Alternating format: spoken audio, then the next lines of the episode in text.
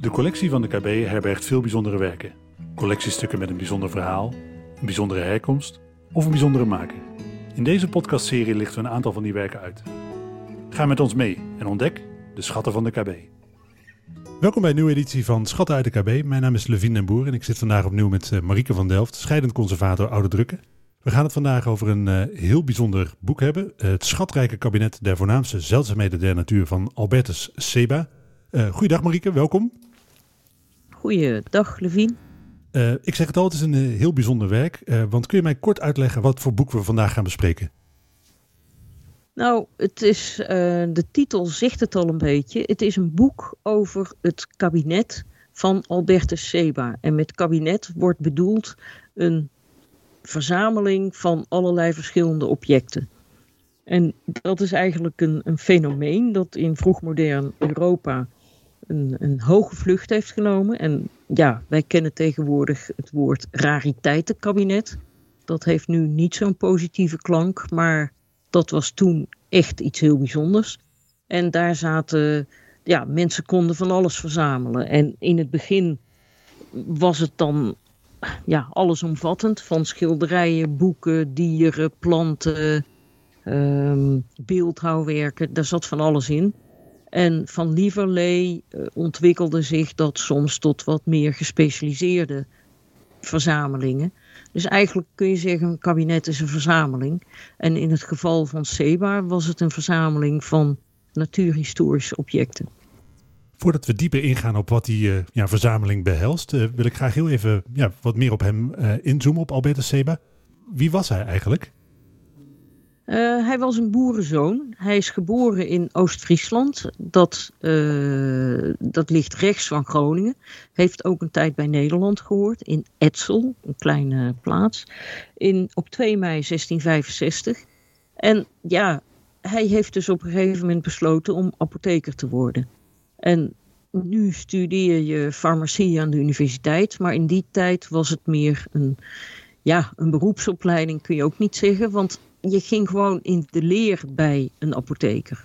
En liefst ook bij mensen op verschillende plaatsen, zodat je van verschillende mensen tegen, ja, trucs of, of recepten of whatever hoorde. En hij heeft bijvoorbeeld in Amsterdam gezeten, in Groningen, in Nuremberg, in Straatsburg.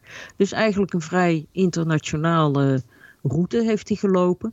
En dat heeft best wel wat jaren geduurd. Hij is begonnen op 19-jarige leeftijd.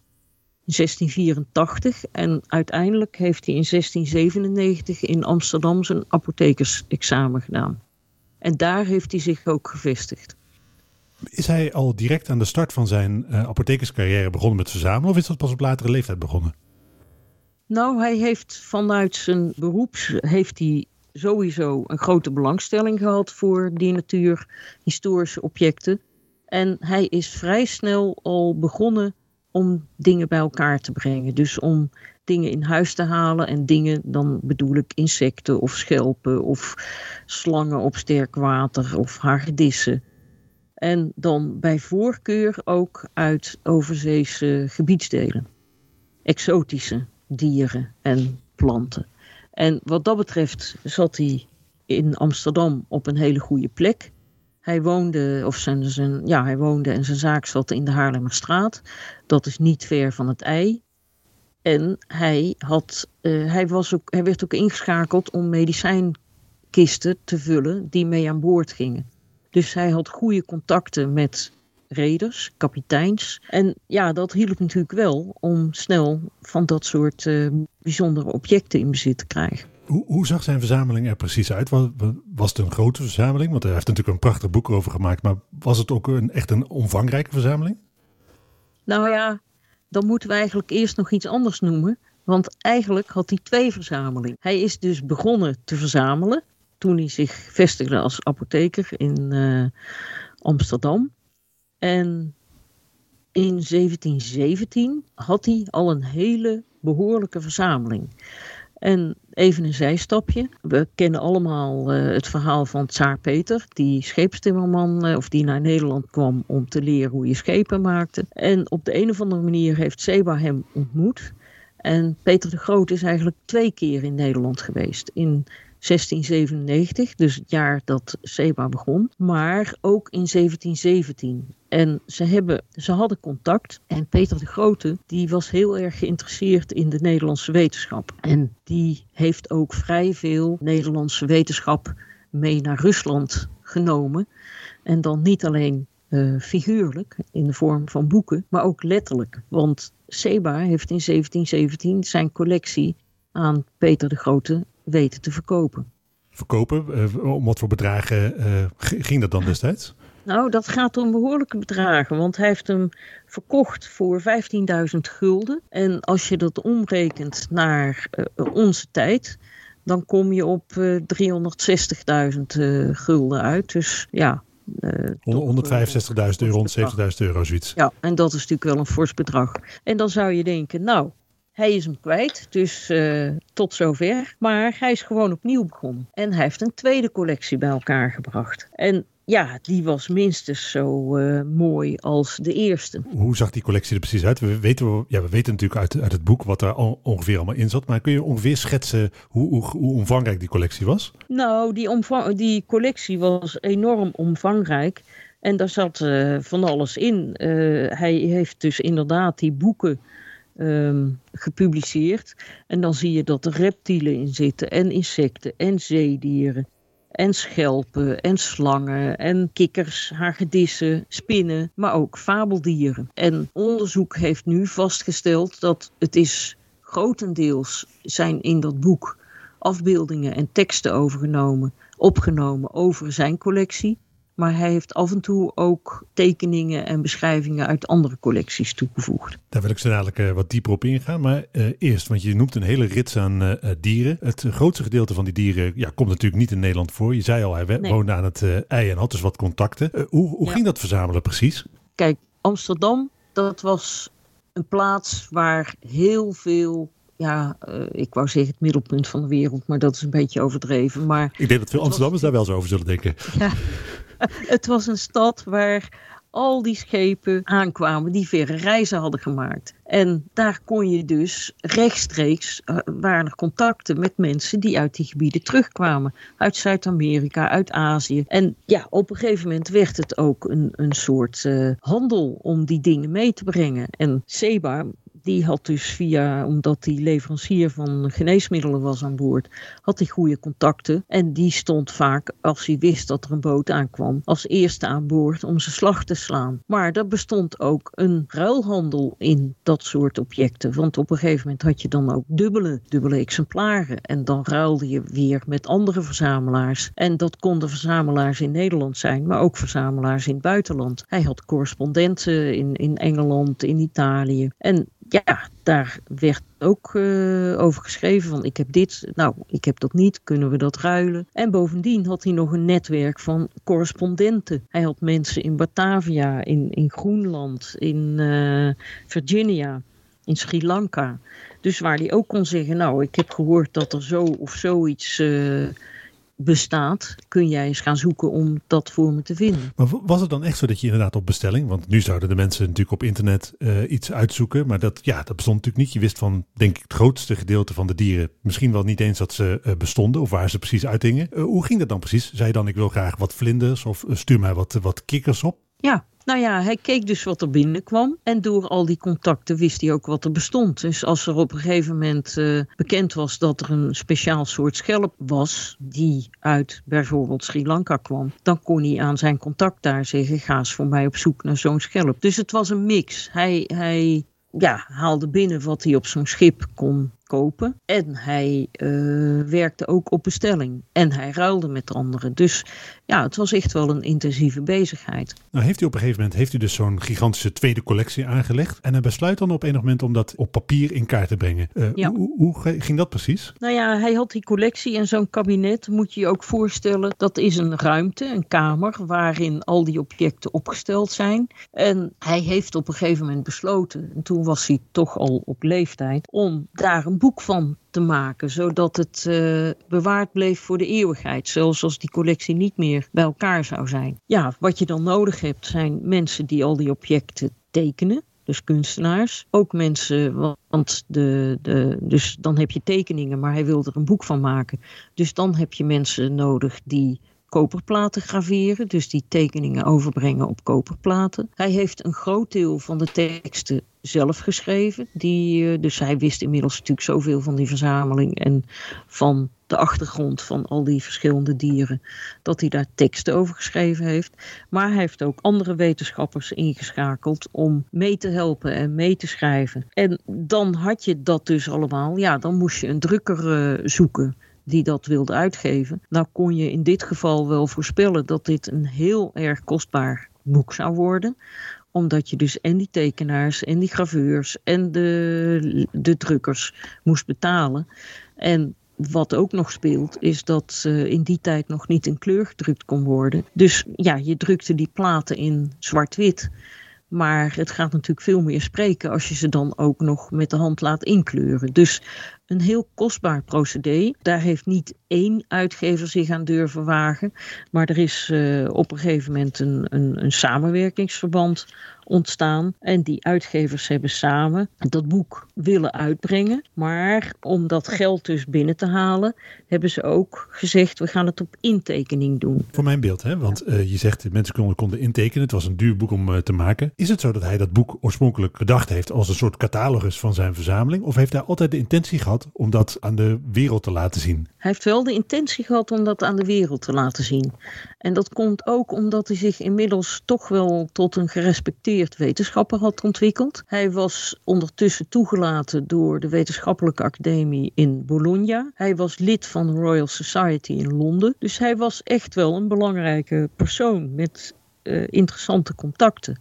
Hij correspondeerde ook met allerlei wetenschappers. Dus hij heeft echt wel de, de intentie gehad om zijn collectie ook aan anderen te laten zien. Hij had bijvoorbeeld ook contact met Boerhaven, de bekende hoogleraar geneeskunde in Leiden. Die heeft ook uh, een voorwoord geschreven voor zijn boek. Dus hij wilde ermee naar buiten. En dat was wel uh, zijn plan. Het boek van Seba bestaat uit vier delen. Hij heeft zelf de publicatie van het laatste deel niet meer meegemaakt, toch? De, het eerste deel kwam dus uit in 1734, het tweede in 1735. En het jaar erop ging hij dood. Ja, in 1736. En dat heeft toch wel behoorlijk wat vertraging opgeleverd. Want uh, ja, daar zie je misschien toch dat zijn uh, drijfkracht achter de uitgaven van belang was.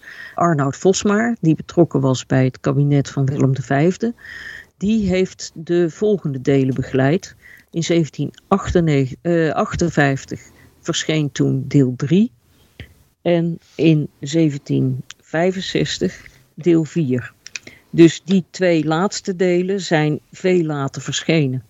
Ja, we, we, hebben een van die boeken in onze collectie. Als je dat op tafel legt, is het dan een groot boek? Of uh, het is een lijvig boekwerk, kan ik me zo voorstellen. Het is een, uh, het is een uh, nou het zijn dus vier delen. En ze zijn groot. Het is een groot folioformaat. Dus ja, aan, ik denk wel een, ja, een halve meter groot of zo. En, en, en 35, 40 centimeter breed. Ik heb ze hier niet bij de hand. Maar het is echt heel groot en zwaar. Dus ja, je neemt ze niet zomaar mee. Maar het, het was ook het doel was dus om die collectie te laten zien, maar hij had ook een wetenschappelijk doel. Want als we nu kijken naar de periode waarin dit boek gemaakt werd, dat was een periode waarin mensen heel intensief bezig waren om de wereld, de natuur in kaart te brengen. Dus voor ons is het nu heel makkelijk. Je kunt op internet van alles vinden en je vindt zo een plaatje van een dier. Als je denkt, hoe ziet een okapi eruit? Dan tik je dat even in op Google. Maar dat was toen niet zo. En zelfs de indeling die wij nu automatisch gebruiken en die gebaseerd is op uh, Linnaeus, die ja, Linnaeus publiceerde zijn eerste versie van zijn uh, indeling in 1735. Dus toen was Seba al heel ver op streek met zijn boek. Maar dus dat hele vanzelfsprekende van je weet hoe de wereld in elkaar zit en wat er allemaal voor dieren zijn. Althans, dat weten we niet allemaal zelf, maar men weet in zijn algeheel hoe, wat er allemaal te vinden is op aarde. Ja, dat was toen nog niet. Dus hij heeft dit ook gedaan om ja, mensen bekend te maken met de verschillende diersoorten. En wat we nog niet genoemd hebben, maar wat toch bij dit boek ook wel speelt, het is ook een heel esthetisch mooi boek. Want leg dat dus eens uit, als we het eh, openslaan, wat, wat, wat zien we dan precies? Ja, als je het openslaat, dan zie je pagina's waarop dieren afgebeeld zijn, of schelpen, of stenen, of slangen. Of uh, hij begint met pagina's met bladen, uh, blaadjes van bomen, die hij op een zodanige manier geprepareerd heeft dat je de nerven heel goed ziet lopen. Maar soms zijn die dieren gewoon naast elkaar op een pagina gezet. Maar meestal heeft hij toch geprobeerd er een zekere esthetiek in te brengen. En dat zie je misschien het mooist bij uh, zijn schelpen. En die lagen ook zo gerangschikt in uh, lades in zijn kabinet. En dat zijn prachtige figuren. Als je op de KB-website staat een uh, afbeelding van zo'n lade met schelpen. En dat is schitterend neergelegd. Uh, ik geloof dat dat een plaatje is waarbij ze neergelegd zijn als een vogel. Maar er zitten allerlei figuren in. Ja, er zat ook een esthetiek bij. En dan die beschrijvingen die zijn wetenschappelijk en ook met herkomst, en, of tenminste waar zo'n dier voorkomt en nog een beschrijving daarvan. En dat is dus ook interessant, omdat dat allemaal nog voor Linnaeus is. En trouwens, uh, Linnaeus heeft ook veelvuldig gebruik gemaakt van het boek van Seba om zijn klassificatie verder te verfijnen. Omdat hij daar dus allemaal afbeeldingen had van dieren en planten die hij weer kon gebruiken voor zijn uh, indeling. En als je kijkt, hij, Linnaeus, heeft ook 284 keer Seba geciteerd in latere drukken van zijn werk. Dus ook in die zin was het belangrijk voor de wetenschap. Wat is de impact van dat boek geweest? Het is natuurlijk voor een aantal mensen was het gewoon ja, een prachtig boek om te hebben. Maar je noemt dus ook, het was ook wel een degelijk een uh, wetenschappelijke impact. Ja, ja, het is heel veel gebruikt. Als je kijkt naar de wetenschappelijke literatuur van die tijd, dan is er ook veel naar verwezen. En zelfs al zijn niet alle afbeeldingen 100% eh, nauwkeurig, kijk, dat zie je natuurlijk ook, dat huidige wetenschappers nu gaan kijken en zeggen, ja, maar dit klopt niet en dat klopt niet en dit zit verkeerd. En dat is ook logisch, want het zijn tekeningen van dode objecten. En ja, een schelp, die heeft een vaste vorm, maar een slang in een pot of een kikker in een pot, dat is natuurlijk veel moeilijker om te tekenen en op een dusdanige manier te tekenen dat het echt helemaal correspondeert met hoe dat dier er in het echt uitziet. Maar het is veel gebruikt en het is ook een stimulans geweest voor ontdekkingsreizigers zoals Cook en Darwin, dus ook nog een eeuw later, om op hun ontdekkingsreizen wetenschappers mee te nemen en ook kunstenaars. En dat vond ik heel mooi. We hebben een paar jaar geleden zo'n serie van de VPRO gehad waar een boot uh, die reis van Darwin nadeed. En daar zag je ook aan boord zaten wetenschappers, maar ook tekenaars, kunstenaars. En op, in, op die manier heeft Seba echt een grote invloed gehad op ja, ontdekkingsreizen, ontdekking van de wereld. Die combinatie van, van uh, wetenschap en esthetiek, ja, wellicht dat die ook uh, in wat modernere tijden nog van invloed is. Want we hebben niet heel lang geleden, is er toch met het Nederlands Danstheater ja, een nieuwe interpretatie gegeven aan dit werk, of niet? Ja, dat klopt. Het Nederlands Danstheater had zijn jubileumvoorstelling in 2019. En de choreografen zijn toen op de KB geweest om het origineel van dit boek te bekijken. En zij waren daar zo van. Kijk, zij hadden zelf al het idee van wij willen voor die jubileumvoorstelling iets doen als een rariteitenkabinet. Omdat dat ook een, een verzameling is van veel, veel mooie dingen. En zij wilden ook in zo'n jubileumvoorstelling ja, verschillende dingen samenbrengen die dan samen weer een nieuw geheel, een rariteitenkabinet vormen.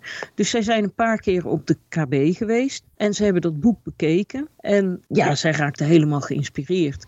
En zij hebben dus de choreografie van hun jubileumvoorstelling gebaseerd op Seba, op dit boek. En ja, het was fantastisch. Het was een prachtige voorstelling. En uh, ja, ik zit te, te, na te denken over de choreografen, maar dat zijn Sol Leon en Paul Lightfoot. En ja, ik, wij werden uitgenodigd vanuit KB om die voorstelling te zien. En het was fascinerend hoe ze in dans dit boek representeerden. Ja, en ze, ze hadden daar ook een fantastische fotograaf. Die heeft ook foto's gemaakt. Die zijn vast nog op internet te vinden voor iemand die ze wil zien. Waar je echt Seba terug ziet komen. Als mensen nou die vier delen uh, in willen zien voor nieuwe kunstzinnige inspiratie of gewoon simpelweg de historische sensatie, dan kunnen ze altijd bij ons terecht, toch? Ja, ze kunnen lid worden van de KB en dan kun je met een lenerspas kun je naar uh, de leeszaal bijzondere collecties en dan kun je dat boek aanvragen. Kijk, dit is wel een heel bijzonder boek, dus misschien dat er even contact opgenomen wordt met de conservator, maar in principe kan iedereen dit boek inzien als het voorzichtig gehanteerd wordt. Ja, zeker. En jij hebt het natuurlijk meer dan eens uh, doorgebladerd. Uh, je kan het ja. iedereen aanraden, denk ik, of niet? Ja, ik kan het iedereen aanraden. Het is echt fascinerend. En wat ik fantastisch vind van dat boek is die hele geschiedenis ook die eraan vastzit van dat verzamelen en die wetenschap en die 18e eeuw, waar mensen zo op zoek zijn naar hoe, zat, hoe zit die wereld nou in elkaar. En dat er ook ja, zoveel contacten onderling bestaan. En mensen, ja, want Mirjam, die overleed dan in 1717. Dus, maar uh, dat is ook zo iemand die heel erg bezig was met het in kaart brengen van de natuur. En dat zat ook veel in Amsterdam. Dus ik vind dat fascinerend hoe er zo'n groep mensen bezig geweest is om dit onderzoek te doen. En dat we daar nu nog steeds de weerslag van vinden. En ja, dit soort boeken, ze zijn oud, maar ze hebben nog steeds een betekenis. Ook voor de huidige biologie. En dat vind ik fascinerend, dat zoiets uh, zo lang blijft doorwerken. Nou, wilt u nou ook een kijkje in de geschiedenis en uh, wilt u zich uh, verwonderen? Kom dan vooral langs bij de KB. Marieke, ik wil je ongelooflijk danken voor je tijd. Een mooi inspirerend verhaal. Oké, okay, dankjewel.